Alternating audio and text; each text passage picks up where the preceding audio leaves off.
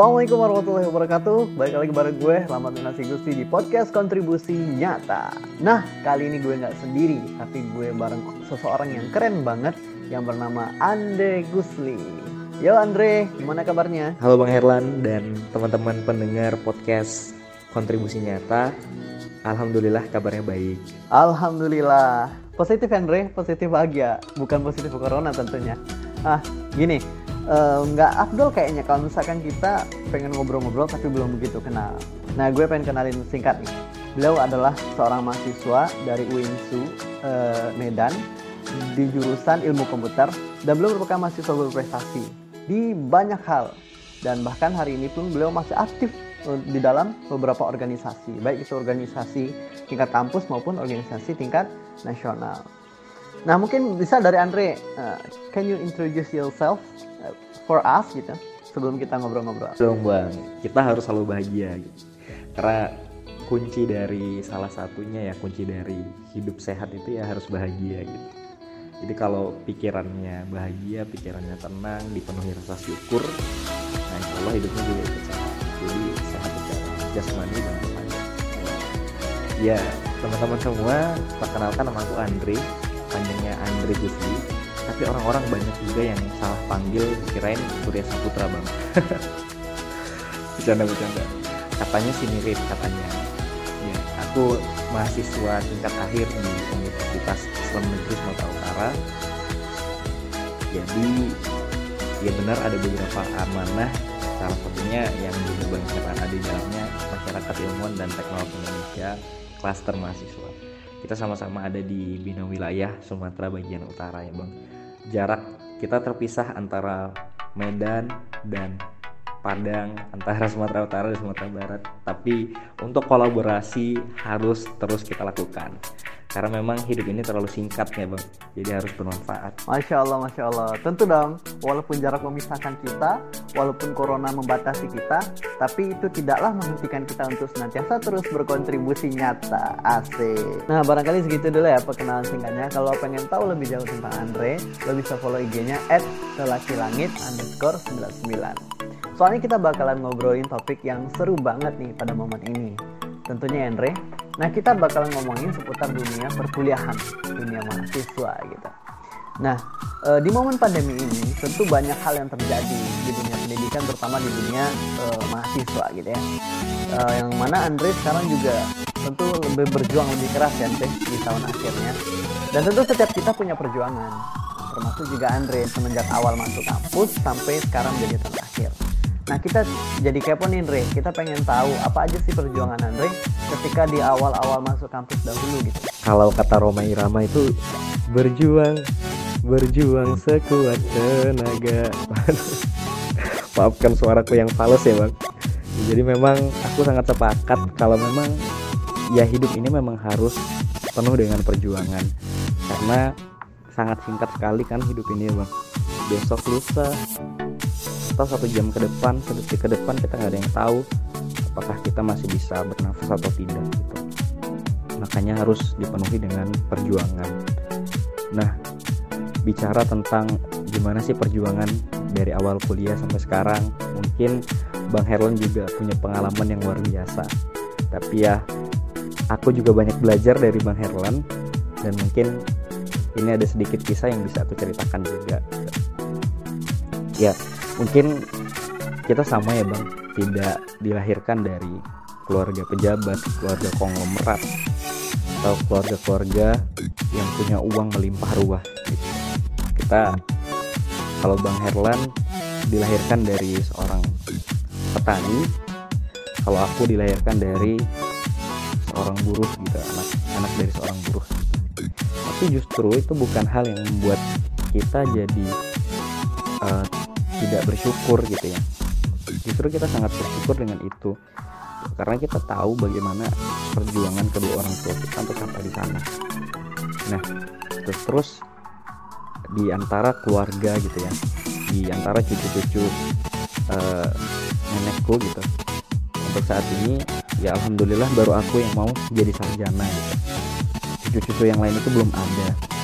Uh, satu lagi adikku lah ini yang baru kuliah bang gitu. Jadi ya alhamdulillah. Itu karena kita juga memang tidak terlahir dari keluarga yang konglomerat ya. Bapak bapakku hanya seorang buruh biasa.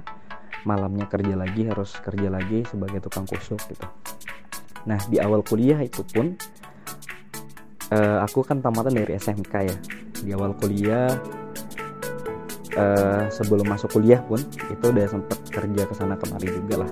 Kerja kerja yang uh, ringan kemarin itu sempat buka usaha sama teman-teman buka usaha servis komputer gitu gitu ya alhamdulillah ada tambahan uang masuk. Gitu. nah kami di kelas itu ada beberapa teman dekat di SMK kalau anak SMK kan rata-rata setelah tamat itu uh, pada nggak mau kuliah gitu ya.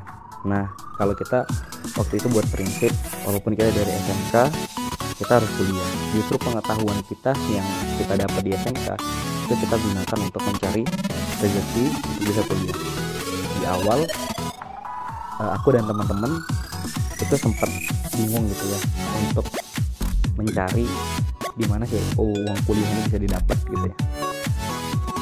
Karena memang uh, waktu itu kita juga sempat coba beberapa beasiswa gitu di, di awal itu kita sempat beberapa beasiswa kita coba tapi hasilnya masih gagal semua.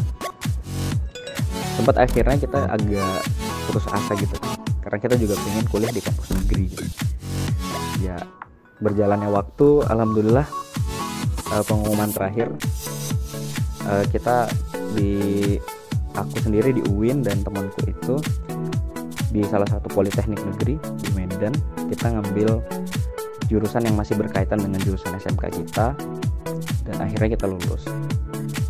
Nah tidak sampai di situ masalahnya gitu. Karena setelah lulus kan harus bayar uang kuliah yang pertama gitu ya waktu itu sempat ditawarin sama yayasan sekolah untuk yayasan sekolah aja yang bayar gitu di cover dari sana karena kan alhamdulillah selama SMK kemarin juga dapat beasiswa uh, juara umum gitu. Karena juara umum jadi dapat beasiswa. Jadi uang uang sekolah tuh dibayarin lah juga dari sekolah gitu walaupun nggak full gitu. Nah sempat ada tawaran seperti itu tapi waktu itu menolak dan ya akhirnya uh, orang tua sempat minjem uang juga ke yang lain untuk bisa lanjut di kuliah awal itu berjalannya kuliah semester awal semester 1 dan 2 tuh sempat kerja gitu. kerja di catering juga masih buka usaha servis komputer dan jualan keripik jadi kalau kita hari ini masih merasa gengsi masih merasa hidup ini harus mewah itu hal besar gitu. Kalau menurut aku memang hidup ini penuh perjuangan. Jadi dulu tuh di awal-awal kuliah ya bang jualan keripik ke kelas-kelas jumpa orang banyak gitu. Kalau mungkin sebagian orang yang dia punya ekonomi dari awal udah keren orang tuanya mungkin dia malu gitu.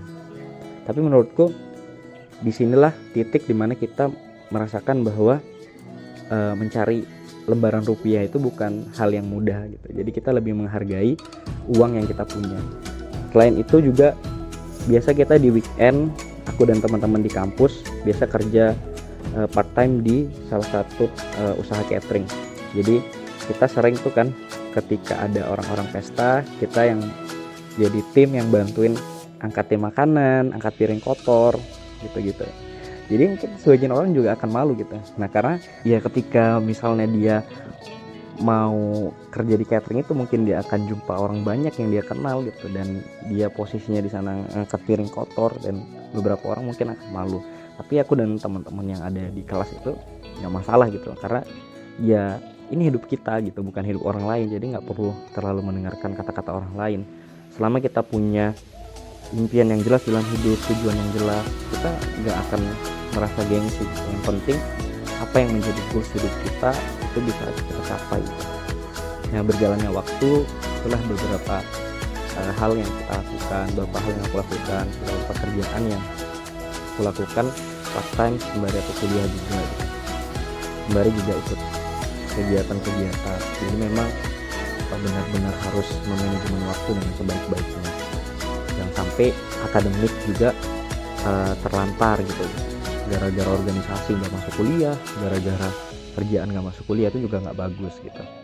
Ya ya alhamdulillah manajemen waktu itu bisa aku belajar dengan baik gitu. Sampai akhirnya di tahun 2018 kemarin dapat penghargaan mahasiswa berprestasi gitu. dan alhamdulillah juga setelah dua semester di awal itu ada beberapa beasiswa yang aku dapat gitu bang. Ada yang pertama itu dapat beasiswa PPA peningkatan prestasi akademik. Itu beasiswa yang diberikan ke mahasiswa yang punya uh, nilai tertinggi di jurusan gitu. Yang kedua setelah dapat itu alhamdulillah ada lagi beasiswa YBM BRI namanya.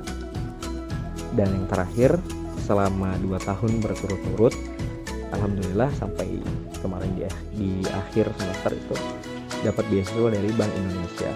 Ya alhamdulillah setelah dapat beasiswa beasiswa itu uang kuliah itu bisa ditalangi dari uang beasiswa itu.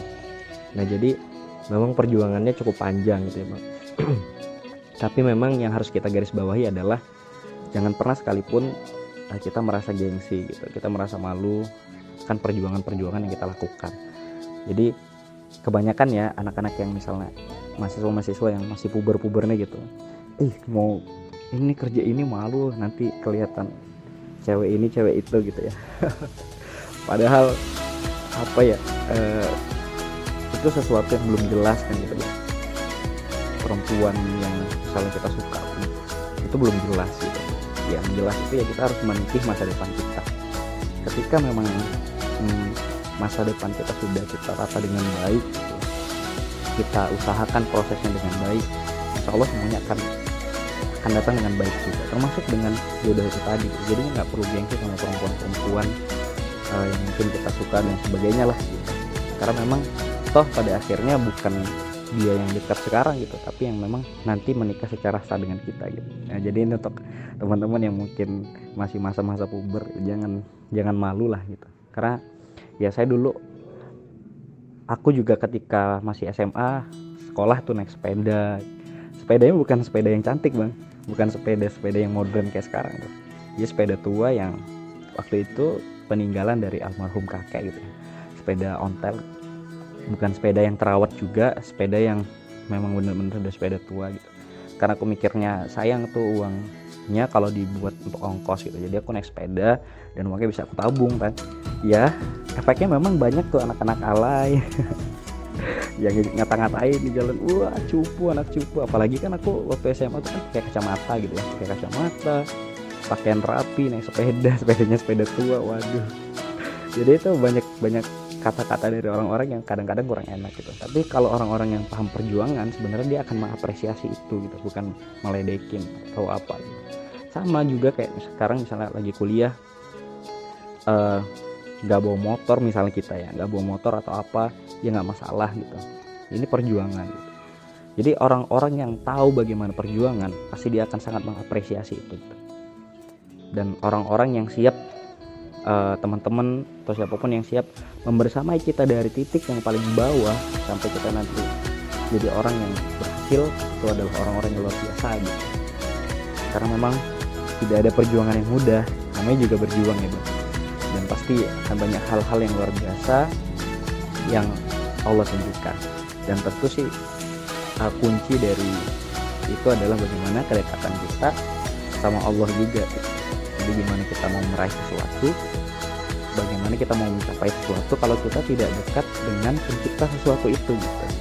Nah, mungkin itu bang. Keren banget perjuangannya. Di awal-awal kampus sudah harus jualan sudah harus melakukan banyak hal ya yang bahkan itu berpotensi untuk dibully berpotensi juga untuk diketahui sama orang lain Nah ngomong-ngomong tentang nostalgia nih ya, tadi ada nyinggung-nyinggung tentang masa puber-puber baru baru masa kampus ya, tentang jodoh-jodoh juga tadi terdengarnya ya. Keinget juga nih di masa lalu ketika di awal-awal, dulu kalau kalau abang Sindre waktu SMA, waktu SMA itu uh, bang jualan donat gitu di sekolah gitu ya, jualan donat dan memang awal-awalnya itu bakalan gengsi, gitu, bakalan gengsi, tapi akhir-akhirnya ya alhamdulillah uh, akan pede lagi. Gitu. Nah kalau misalkan di kampus dulu ketika abang awal di kampus ya alhamdulillah sih dapat beasiswa. Cuma perjuangan masuk kampus itu tentu penuh lika-liku juga gitu.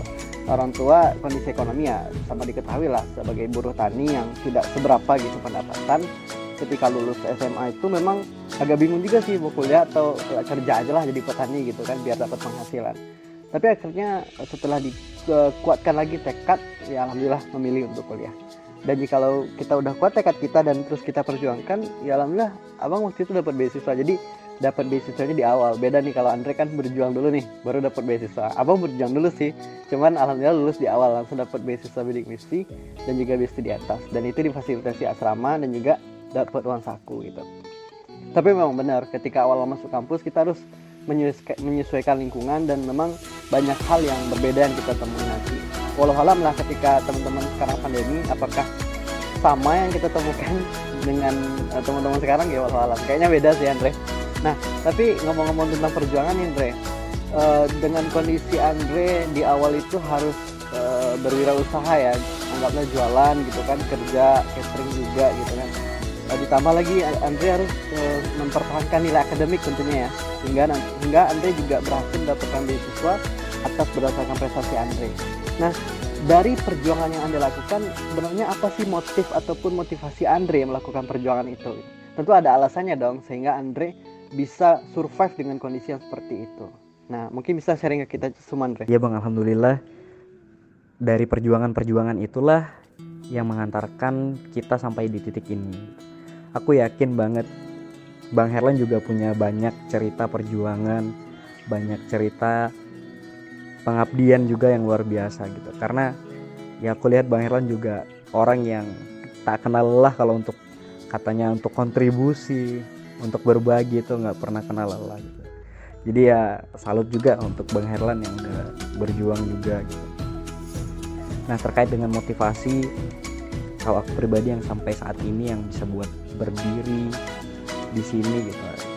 Itu motivasi kuatnya adalah dua orang tua karena aku berpikir ibu dan bapak itu tidak apa namanya tidak menyelesaikan pendidikan sampai ke sarjana gitu. Bahkan hanya bisa merasakan tingkat SMP dan SMA aja gitu. Jadi kayak masa iya sih eh, kita sebagai anaknya yang sudah paham dan sudah sadar tidak melanjutkan perjuangan tidak melanjutkan sampai ke pendidikan di perguruan tinggi gitu. Ya jadi itu. Itu salah satu motivasi terbesar. Dan ya melalui pendidikan kita bisa merubah uh, ekonomi kita juga gitu kan. Jadi salah satu hal yang menjadi indikator bahwa negara itu maju juga adalah pendidikan gitu kan. Jadi itu motivasi kuatnya kenapa sampai hari ini masih bisa berdiri sini karena kalau dari e, rentetan cucu para cucu di nenek itu ya. Dan alhamdulillah baru kami yang kuliah bukan berarti kami punya uang yang banyak juga gitu. Enggak tapi memang karena kita memang udah tekad dari awal ya kalau bisa memang kuliah. Nah sempat juga waktu itu di awal kita berpikir untuk kuliah di swasta aja gitu kan. Kuliah di swasta setelah itu ya malamnya bekerja atau apa gitu. Tapi alhamdulillah di tes terakhir waktu itu jalur mandiri ya tapi kalau jalur mandiri di UIN itu uang kuliahnya sama gitu bang sama jalur-jalur lainnya beda kalau di USU atau Unimed atau mungkin universitas-universitas negeri yang lain itu kan mungkin lebih mahal. Nah kalau di UIN khususnya UIN Sumatera Utara sendiri itu sama. Nah jadi alhamdulillah jalur terakhir itu lain lulus. Jadi ya masuk negeri dan alhamdulillah dapat uh, beasiswa. Yang tentunya itu tadi motivasinya adalah orang tua dan mau hidup ini jadi lebih baik lagi. Ya intinya kalau kita bisa menjadi tauladan karena dak apa ya kalau di dalam Islam sendiri kan dakwah yang paling paling efektif itu adalah dengan tauladan. Jadi ketika kita sudah jadi seseorang yang berhasil ya mudah-mudahan orang-orang akan mengikuti kita. Dan ketika kita sudah jadi teladan apa yang kita sampaikan insya Allah orang-orang akan ikuti gitu. nah ada yang menarik nih Andre masuknya itu jalur mandiri ya di UIN, bukan masuk SNPTN atau SBMPTN ya. Nah, awalnya ketika SNPTN dan SBM itu Andre milih universitas apa gitu? Ini yang memang unik sih bang. Jadi di awal itu pengen tuh pengen banget, pengen banget ke Jawa. Jadi yang pertama kampus tujuannya itu adalah ITB.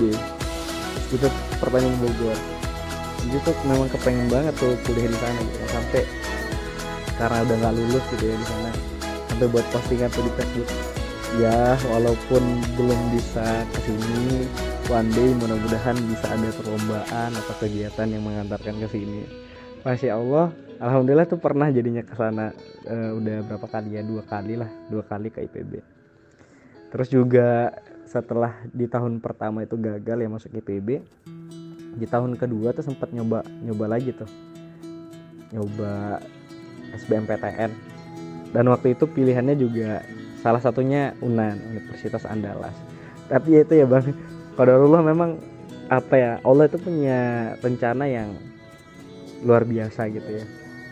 Kalau mungkin kemarin itu di IPB belum tentu bisa dapat beasiswa yang kayak gini gitu ya karena mungkin IPB juga mahasiswanya nasional dan saingannya keren-keren.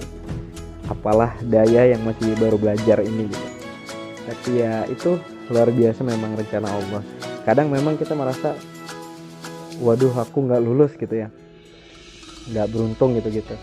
Padahal sebenarnya dibalik kegagalan itu Allah udah udah siapin yang lain yang lebih bagus gitu walaupun kadang-kadang kita nggak sadar itu gitu kan nah terus Andre ketika awal masuk dan memilih UIN kan baru masuk kampus tuh yang sebelumnya pengen di IPB atau UNAN ya yang SBMPTN itu tuh gimana perasaan Andre? Apakah ada rasa-rasa pengen eh, ini kayaknya nggak nyaman nih jurusan di sini pengen uh, pindah lah mau ulang SBM lagi atau udah pasrah aja ya udahlah eh, nggak uh, apa-apa di UIN aja lah dengan jurusan ilmu komputer ini gitu. Gimana apa yang Anda rasakan pada masa itu? Wah, ini nostalgia lagi jadinya. Ya sebenarnya di awal-awal jelas nggak nyaman ya bang. Uh, apalagi kita kampusnya di di UIN itu kan walaupun negeri tapi nggak sekeren beberapa kampus yang di bawah Ristek Dikti lainnya gitu lah ya karena kita kalau di UIN juga kayak lomba-lomba PKM lomba-lomba yang dari Ristek Dikti itu nggak bisa ikutan gitu nah itu di awal tuh sempet kayak gitu tuh. Kayaknya teman-teman yang lain yang di USU yang di UGM yang di UI itu keren-keren gitu ya. Tapi ya memang pada akhirnya harus pasrah. Pada akhirnya juga harus pasrah dan ya ya udah terima aja gitu.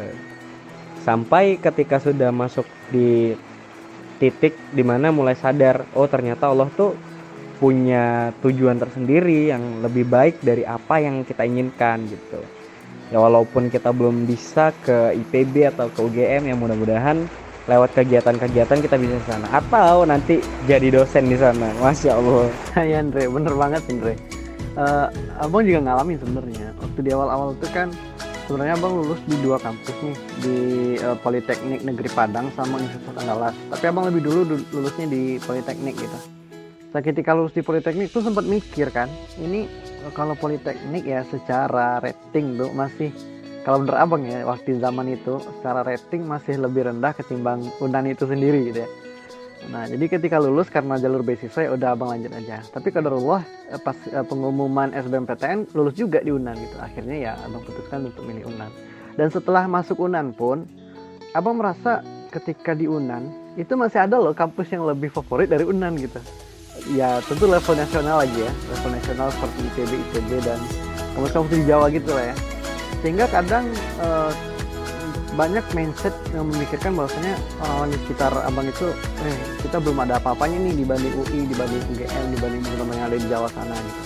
Banyak mindset yang kayak gitu. Sehingga uh, hal negatif yang kayak gitu ya membanding-bandingkan dan uh, universitas di Jawa itu lebih bagus daripada UNAN nah dari situlah muncul keinginan untuk gimana sih caranya supaya kita yang berada di universitas ini di UNAN ini bisa ngangkat nama UNAN gitu. Dan akhirnya pada kesempatan itu di 2016 kami ikut lomba ikut lomba ya sebagai delegasi dari Sumbar terutama mewakili Unan dalam perlombaan Sociopreneur Camp gitu waktu 2016 dan kebetulan di sana pesertanya juga kampus-kampus terbaik di Pulau Jawa dan bahkan di luar Pulau Jawa juga gitu kampus-kampus terbaik dan akhirnya kita coba maksimalkan di lomba itu beberapa cabang lomba. Dan alhamdulillah akhirnya Unan bisa menjuarai uh, perlombaan itu ya dan mengalahkan kampus-kampus besar seperti ITB, IPB, UGM dan UI itu sendiri gitu kan. Itu rasanya uh, gimana? Luar biasa banget deh. Kita kira kita bisa bawa nama baik universitas kita ya dan mengalahkan universitas yang kata orang itu lebih favorit dari universitas universitas kita. Dan terus abang juga pernah dengar kata-kata seorang senior ya bahwasanya lebih baik kita menjadi singa di suatu tempat ya. Ketimbang di tempat lain kita cuman menjadi uh, ekor ya. Uh, lebih baik kita menjadi kepala singa di suatu tempat ketimbang di tempat yang lain kita cuma jadi ekor gitu. Nah bukan berarti kita melihat uh, di maksudnya seberapa favorit universitas kita berada ya. Tapi apa sih peran kita di sana gitu? Contoh misalkan ketika, abang uh, di Unan ini, alhamdulillah abang diberikan banyak kesempatan untuk bisa ikut uh, organisasi, untuk menjadi uh, kepala di beberapa organisasi dan sebagainya.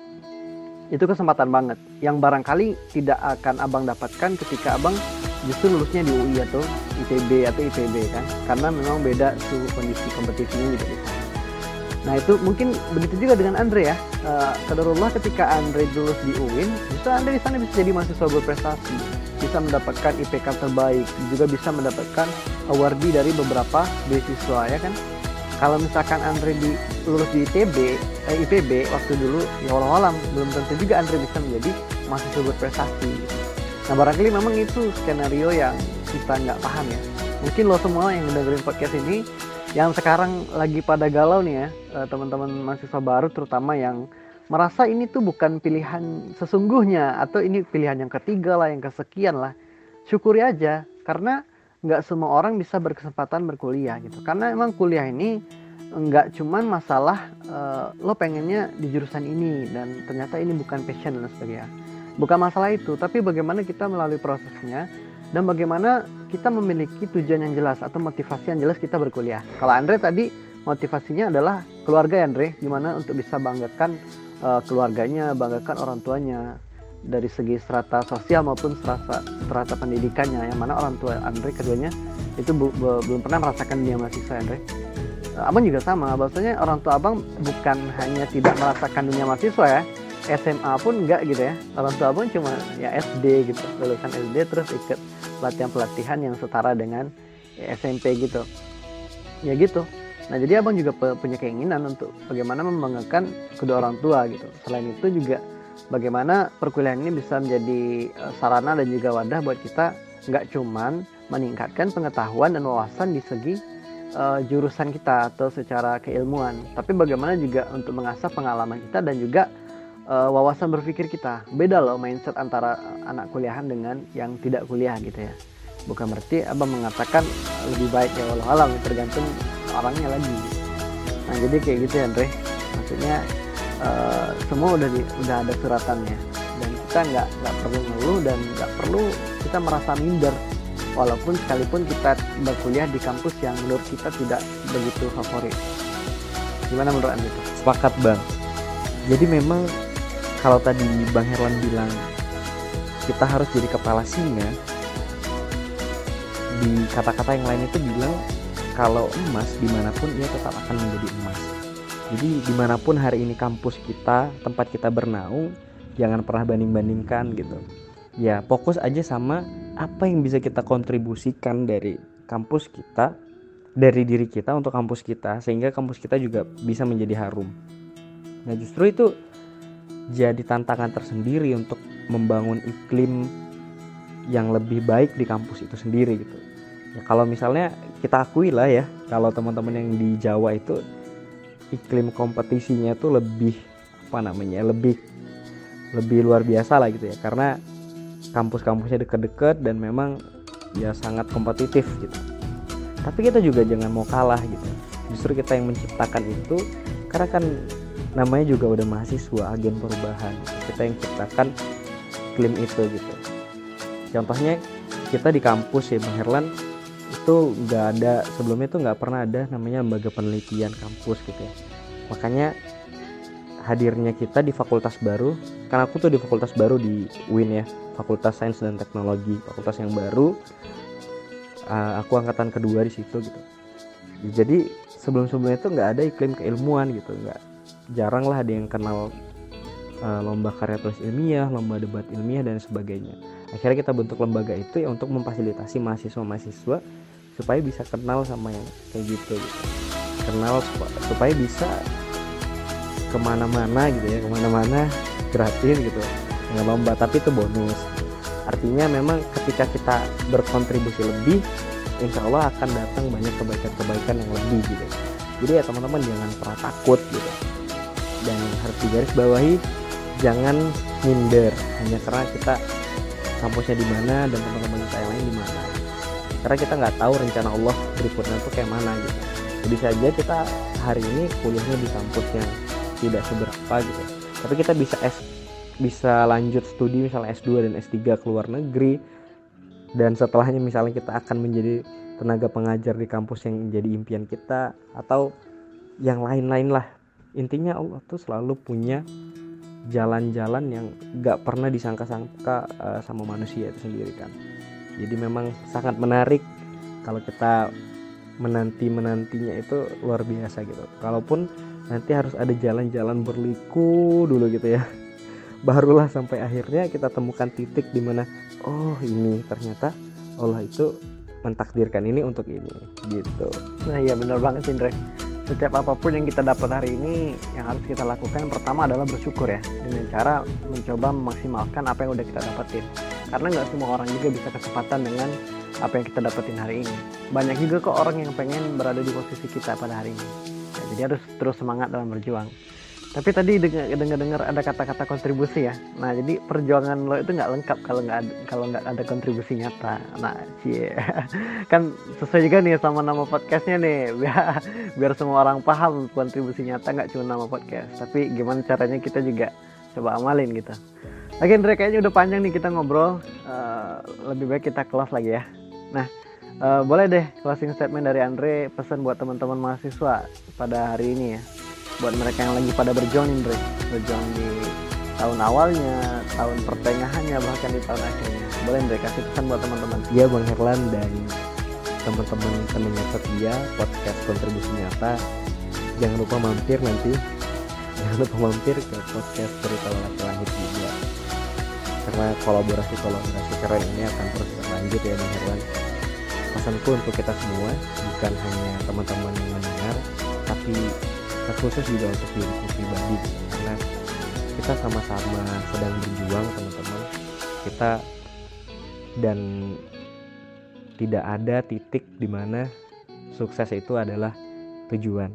Sukses itu justru adalah perjalanan gitu. karena uh, bisa aja ketika kita menganggap sukses itu sebagai tujuan ketika kita sudah mencapai target kita kita lupa. Jadi teman-teman semua jangan pernah menyerah terus berusaha. Ini hal sederhana yang kadang-kadang kita lupa. Jadi apa pun rintangan yang hari ini kita hadapi jangan putus asa. Karena nothing's impossible with Allah gitu. jangan sedih juga gitu karena ya Allah bersama kita gitu teman-teman. Intinya harus diingat juga orang-orang hebat hari ini itu berawal dari perjuangan yang gak mudah jadi kalau kita mau berhasil, jangan hanya lihat dari hasil orang yang sudah berhasil. Wah gitu. Tapi lihat orang-orang yang sudah berhasil, lihat dari prosesnya. Lihat gimana dia menitih langkah demi langkah, tangga demi tangga sampai dia sampai dia ke titik keberhasilannya dia gitu. Dan yang terakhir, kita anak muda akan menjadi aset bangsa, akan menjadi bintang-bintang yang nantinya akan menyinari langit-langit peradaban. Jadi masa depan negeri kita, masa depan dunia ada di sana. Itu mungkin terima kasih banyak ya Bang Herlan udah ngundang di podcast kontribusi nyata. Mudah-mudahan apa yang kita obrolin hari ini bermanfaat ya teman-teman. Dan kalau merasa bermanfaat jangan lupa share podcast ini. Demikian, mohon maaf kalau ada kata-kata yang salah. Thanks banget Andre udah mau hadir dan sharing-sharing bang kita di podcast kontribusi nyata dalam agenda Karim Talk ya kali ini. Kita bahas-bahas dan bincang-bincang tentang perjuangan seputar mahasiswa, terutama di fase-fase awal kuliahnya. Gitu. Nah, buat lo semua yang udah dengerin podcast ini, nggak ada alasan lagi buat lo ngeluh-ngeluh ya. Gak usah ngeluh-ngeluh lagi, sekarang lo di kampus mana gitu, jurusan apa dan lain sebagainya lo kudu bersyukur dan lo kudu belajar banyak nih dari ceritanya Andre. Bahwasanya beliau itu juga dari kondisi yang susah dulu di awalnya. Dari kondisi yang nggak lulus juga di kampus pilihan pertama dan bahkan ngulang lagi tahun depan gitu ya Andre. Dan akhirnya beliau lulus dan beliau maksimal dan beliau mensyukuri apa yang telah beliau dapatkan hari ini. Hingganya beliau bisa jadi mahasiswa berprestasi di tahun 2018 bisa menjadi delegasi di berbagai daerah dan juga bisa dapat awardee dari beasiswa ya Andre, beasiswa Gendi dan lain sebagainya. Dan bahkan hari ini beliau juga aktif di komunitas semut ya sekolah muda gitu startup yang uh, hari ini berfokus di bidang pendidikan dan juga bahkan beliau menjadi koordinator wilayah di Uniti KM yang mana uh, gue salah satu anggotanya anggotanya si Andre gitu.